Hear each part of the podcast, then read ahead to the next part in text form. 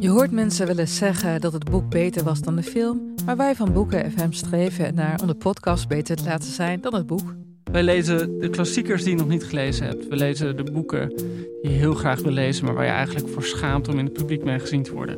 We lezen de Libris-winnaars. Uh, we praten over de Nobelprijslariaten. Allemaal zoals je een etentje hebt dat je moeiteloos mee kan praten en dat het lijkt alsof je helemaal belezen bent. Wij zijn Ellen, Joost en Charlotte van Boeken FM en je kunt ons luisteren in je favoriete podcast-app.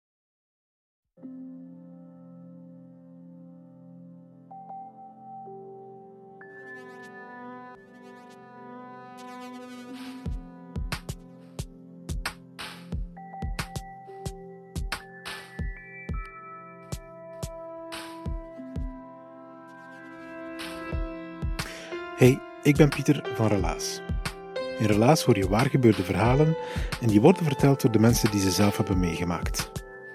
En een van onze coaches, Timon heet die, die zegt altijd: Je mag je verhaal bij ons vertellen bij Relaas, maar wat je hebt meegemaakt, dat mag geen open wonden meer zijn. Hooguit een litteken. En toen ik het verhaal van Jaap voor de eerste keer hoorde, toen dacht ik eventjes: Oei. Ik voel echt letterlijk de pijn die Jaap moet voelen in het hartverscheurend liefdesverhaal dat hij nu gaat vertellen.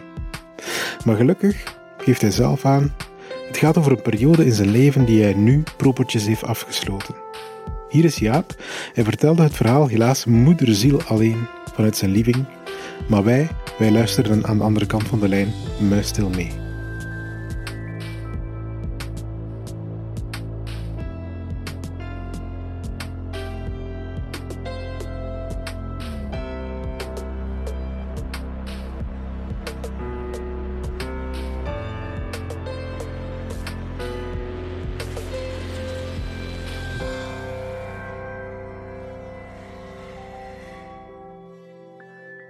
We zijn onderweg naar de bioscoop in het centrum van Rotterdam. Het is ergens in het najaar van 2010. En we, dat zijn naast mezelf, is dat Joke. En ik zeg erbij, Joke is een volstrekt fictieve naam. Je kunt straks gaan zoeken in mijn Facebooklijst en je gaat geen Joke vinden. Maar de persoon zelf is, is zeker niet fictief. Uh, want daarvoor is het nu ook eigenlijk iets te spannend in de auto. Het is een klein beetje raar tussen ons. En dat heeft ermee te maken dat dit voor het eerst is dat wij elkaar weer zien nadat ik het een kleine twee maanden daarvoor redelijk onverwacht uitgemaakt heb. En dat is dan weer onverwacht, omdat wij wel heel erg verliefd waren op elkaar. Echt wel smoor en smoor verliefd. En jullie moeten weten, dat ben ik niet zo gemakkelijk. Het komt echt heel zelden voor.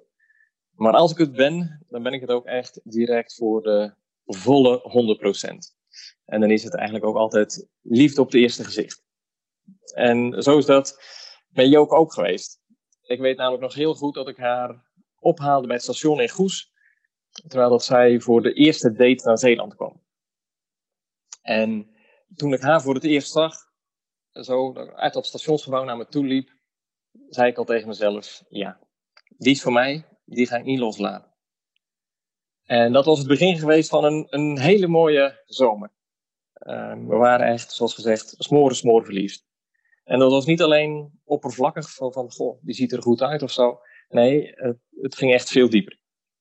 Ehm, het ging ook over uh, wie je bent en hoe dat je in de wereld staat, wat dat je doet in het leven. Uh, bijvoorbeeld, zij was ook nogal sportief. En dan ook vooral met fietsen. En ja, dat is ook voor mij een grote hobby. Uh, zij was christelijk. En ik ben ook een gelovig type. En dat maakt het toch wel uh, wat leuker en geeft, geeft een extra dimensie. Um, maar ook in hoe dat je in het leven staat. Um, Joke had bijvoorbeeld net een paar maanden voor onze eerste date een um, afkikkende drugsverslaafde in huis genomen. En ik had een paar maanden voor onze eerste date een asielzoeker die niet langer opgevangen werd in huis genomen. Dus ja, je snapt het wel, wij hoorden bij elkaar, dit, dit had zo moeten zijn. En zo, zo zaten we in onze relatie echt helemaal verliefd. En we zaten al verder vooruit te denken van, nou ja, goh, wanneer gaan we samenwonen? En een studie die Joke zou gaan doen, om die niet meer in Rotterdam te doen, maar ja, dan maar in Zeeland te gaan doen. Maar helaas, ik had ook al een vakantie geboekt met vrienden naar Zuid-Frankrijk. En ja, dat was nog van voordat ik Joko had leren kennen. En dat was natuurlijk balen, want Joko kon niet mee. En het was ook nog precies in de week dat zij jarig is. Ja, hoe, hoe slecht kan het uitkomen? Maar ja, vakantie was geboekt, geregeld, betaald. Dus ik ging. En in mijn herinnering nu is het eigenlijk vooral in die week dat bij mij de twijfel toesloeg. Of ja, ik denk dat twijfel eigenlijk wel al uh, te sterk is. Het begon misschien meer met het besef dat indaalde dat we wel heel erg hard van stapel liepen zo. Um, maar ja, per slotverrekening, hoe lang kende ik haar nu? En, en dan al nadenken over samenwonen. Um, ja, niet alles is fantastisch aan haar. En ik kwam van een dusdanig hoge piek qua verliefdheid. En, en nu ging ik dan schijnbaar al minder verliefd zijn of zo. Achteraf weet ik dat het normaal is, dat het gewoon hoort. Dat je, je kunt niet eeuwig verliefd zijn. En na een paar maanden moet dat veranderen. Maar op dat moment daar in een tentje in Frankrijk, ja, ging ik, ging ik twijfelen. En ging ik alles kapot analyseren. Dus iedere vlinder die, die in me rondvlanderde, uh, ging ik opensnijden en onder een microscoop leggen. En inderdaad, dan leer je heel veel over vlinders, maar ze willen daarna niet meer vliegen. Dus het is heel kort nadat ik teruggekomen ben uit die, um, van die vakantie uit Frankrijk, dat ik tegen haar zei: Sorry, uh, Joke, ik, ik kan je niet geven wat je zoekt. Um, ik verbreek het. En nou ja, dat was het dan, dacht ik. Tot ik zelf een maand later jarig was en Joke me een bosje bloemen stuurde. En dat was hoe dat het contact weer een beetje tot stand was gekomen. En ik had haar gevraagd, ik heb nog steeds spullen van jou hier liggen. Zal ik die een keer komen brengen? En dan gaan we tegelijkertijd ook weer een keer naar de bioscoop.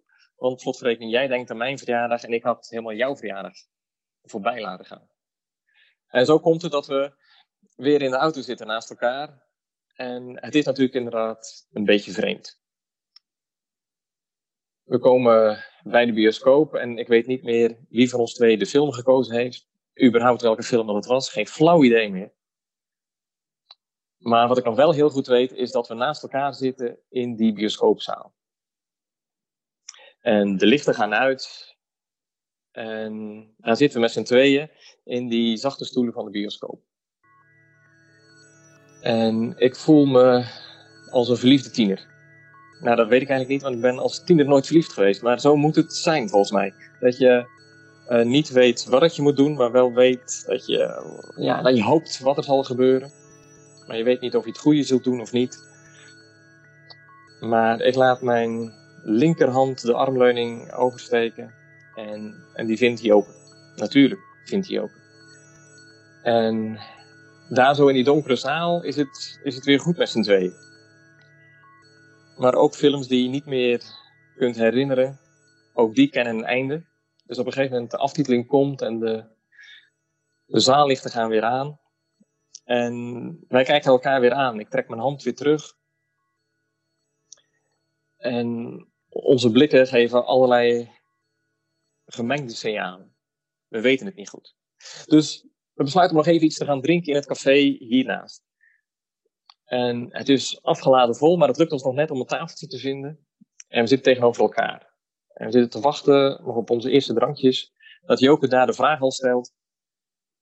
Ja, wat, wat was dit? Wat moest dit voorstellen? Wat, wat was je bedoeling? En ik gaf daar het, het eerlijke antwoord, maar het was niet het juiste antwoord. Ik, ik zei tegen haar, ja, ik, ik was gewoon benieuwd. Ik was benieuwd wat het zou doen om je weer te zien, om, om je te voelen, wat het met me zou doen. En dat was natuurlijk eigenlijk maar een stukje van het antwoord. Want ik had ook nog steeds de les die ik in dat tentje in Zuid-Frankrijk geleerd had. Dat ik een beetje voorzichtig moest zijn. Niet te veel verwachtingen wekken. Maar dit land heel slecht. Dit is uh, heel erg het verkeerde antwoord. En Joke wordt verdrietig. Ze is boos. Want ik ben degene geweest die het uitgemaakt heeft. En ik ben ook degene geweest die toch het initiatief genomen heeft tot deze nieuwe date. En Het was mijn hand geweest die als eerste over die armleuning ging. En nu zeg ik tegen haar dat het een experimentje was of zo. Dus dat landt heel slecht. En dus de tranen komen. En ik zie de mensen om me heen ook, ook naar me kijken. En in hun blikken lees ik eigenlijk het oordeel al van... Wat voor eikel ben jij? Dat jij deze fantastische vrouw in een paar minuten aan het huilen krijgt. Dus we willen weg. Zij wil weg en ik wil hier ook weg, want dit is vreselijk. Dus ik zal haar naar huis brengen. En zo komt het dat we weer naast elkaar in de auto zitten. En 2,5 uur daarvoor was het al wat ongemakkelijk geweest, maar nu is het echt, ja, ongemakkelijk tot de max. Dit is, uh, dit is vreselijk. Want Joke is nog steeds heel erg boos. Is zelfs zo boos dat ze zegt: Ja, ik wil absoluut geen contact meer. Ik verbreek alle contact. En ze laat zelfs zien hoe op haar telefoon hoe dat ze mijn gegevens wist. En mensen, ik, ik heb mezelf heel vaak afgevraagd: wat is het geweest wat ik daarna gezegd heb of gedaan heb? Maar ik, ik, ik, moet iets, iets goed gezegd hebben. Want die spanning die er tussen ons, ons hing, die, die slaat om. En die wordt weer de spanning tussen uh, twee geliefden. De, de vonken vliegen weer over en weer. En in dat korte ritje, het is nog geen kwartier, denk ik, draait het dus helemaal om en kunnen we niet meer van elkaar afblijven. Dus in plaats dat ik haar op het parkeerterrein van de flat achterlaat met een doos met spullen, is natuurlijk geen sprake meer van dat ik naar Zeeland terugrij. En natuurlijk ga ik weer mee terug naar boven. En zo komt het dat we weer samen op haar bank zitten. Want gelukkig is die afkikkende jongere even niet daar. En uh, we zoenen op de bank. En Joke is eventjes weg. Ze is even naar um, um, de badkamer of zo. Ik weet het niet meer precies. Maar ik draai mezelf om. Ik leg mijn armen over de rugleuning. En ik kijk uit over Rotterdam. Althans, het hele lelijke uitzicht wat, wat haar raam heeft. Want ze kijkt precies op de snelweg. Het is echt het lelijkste van het lelijkste. Maar ondanks dat hele lelijke uitzicht ben ik intens gelukkig. En ik besef het tot in het diepste van mijn wezen hoe bijzonder het is dat ik dit mee mag maken. Het is alleen dat nog steeds ook ergens, nog steeds die les van uh, die vakantie uit Frankrijk in mijn hoofd zit.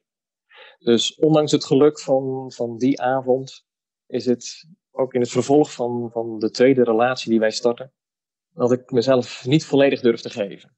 Het is een beetje als gas geven en remmen tegelijkertijd. En deze keer is het Joke, die na een aantal weken zegt: Jaap, op deze manier kan ik het niet. Jij moet jezelf volledig geven of niet. Dus deze keer is het Joke die zegt: Sorry Jaap, ik verbreek het. En dat is het einde dan. Tot een half jaar later op een zaterdagmiddag mijn telefoon rinkelt. En tot mijn verrassing is het Joke. Want we hebben een half jaar lang geen enkel contact gehad. En ineens is ze daar. En ze vertelt me dat ze iemand anders heeft leren kennen. Een, een, nieuwe vriend waar ze net mee begint. Maar ze zegt, Jaap, het is niet zoals het bij ons was.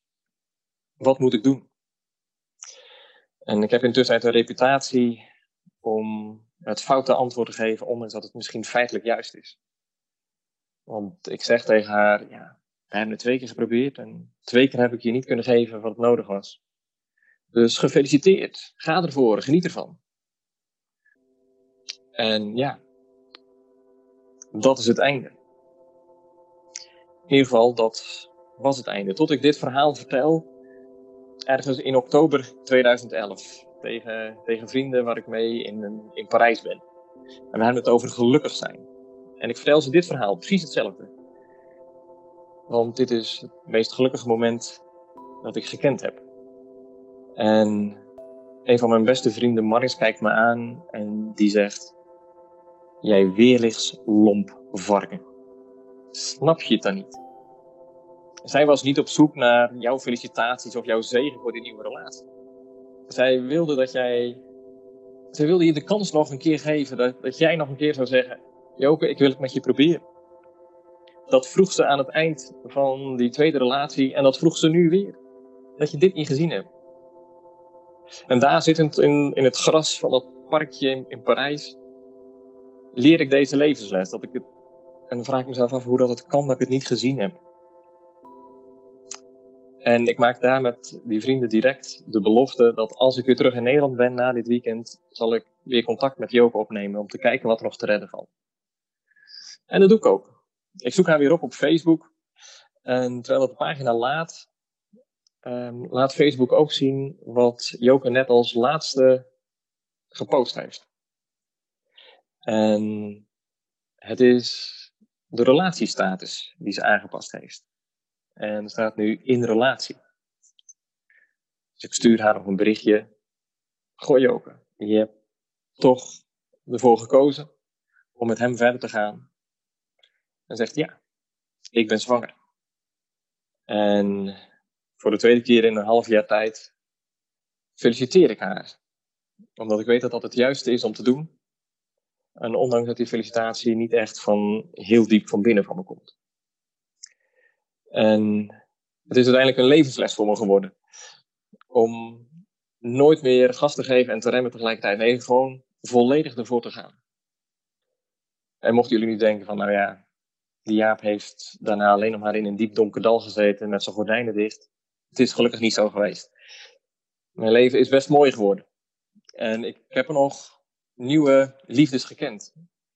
Maar ik geef ook eerlijk toe, er gaat eigenlijk geen jaar voorbij dat ik niet even een berichtje zal sturen naar Joke.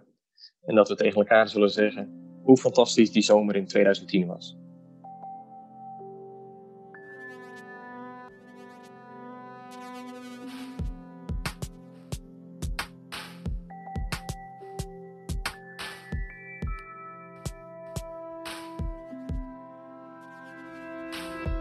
Dat was het relaas van Jaap. Hij heeft het verteld aan onze coaches Timon en Laura, netjes van op afstand via de telefoon, zoals dat hoort in tijden van corona. En hoe wij Jaap kennen? Wel, elke zondagavond organiseren wij online een verhalencarousel. En iedereen die wil, die kan daar een kort verhaal van 5 minuutjes vertellen. En daarna schuiven we door naar de volgende, enzovoort. Heel fijn om eens mee te maken, echt een aanrader. Elke zondag. En Jaap die was er al bij vanaf de allereerste editie. We zitten ondertussen denk ik aan 13 weken lockdown en 12 verhalen carousels. Elke week vertelt Jaap een nieuw verhaal. Dus prik gerust eens in als je nog meer van zijn verhalen wil horen.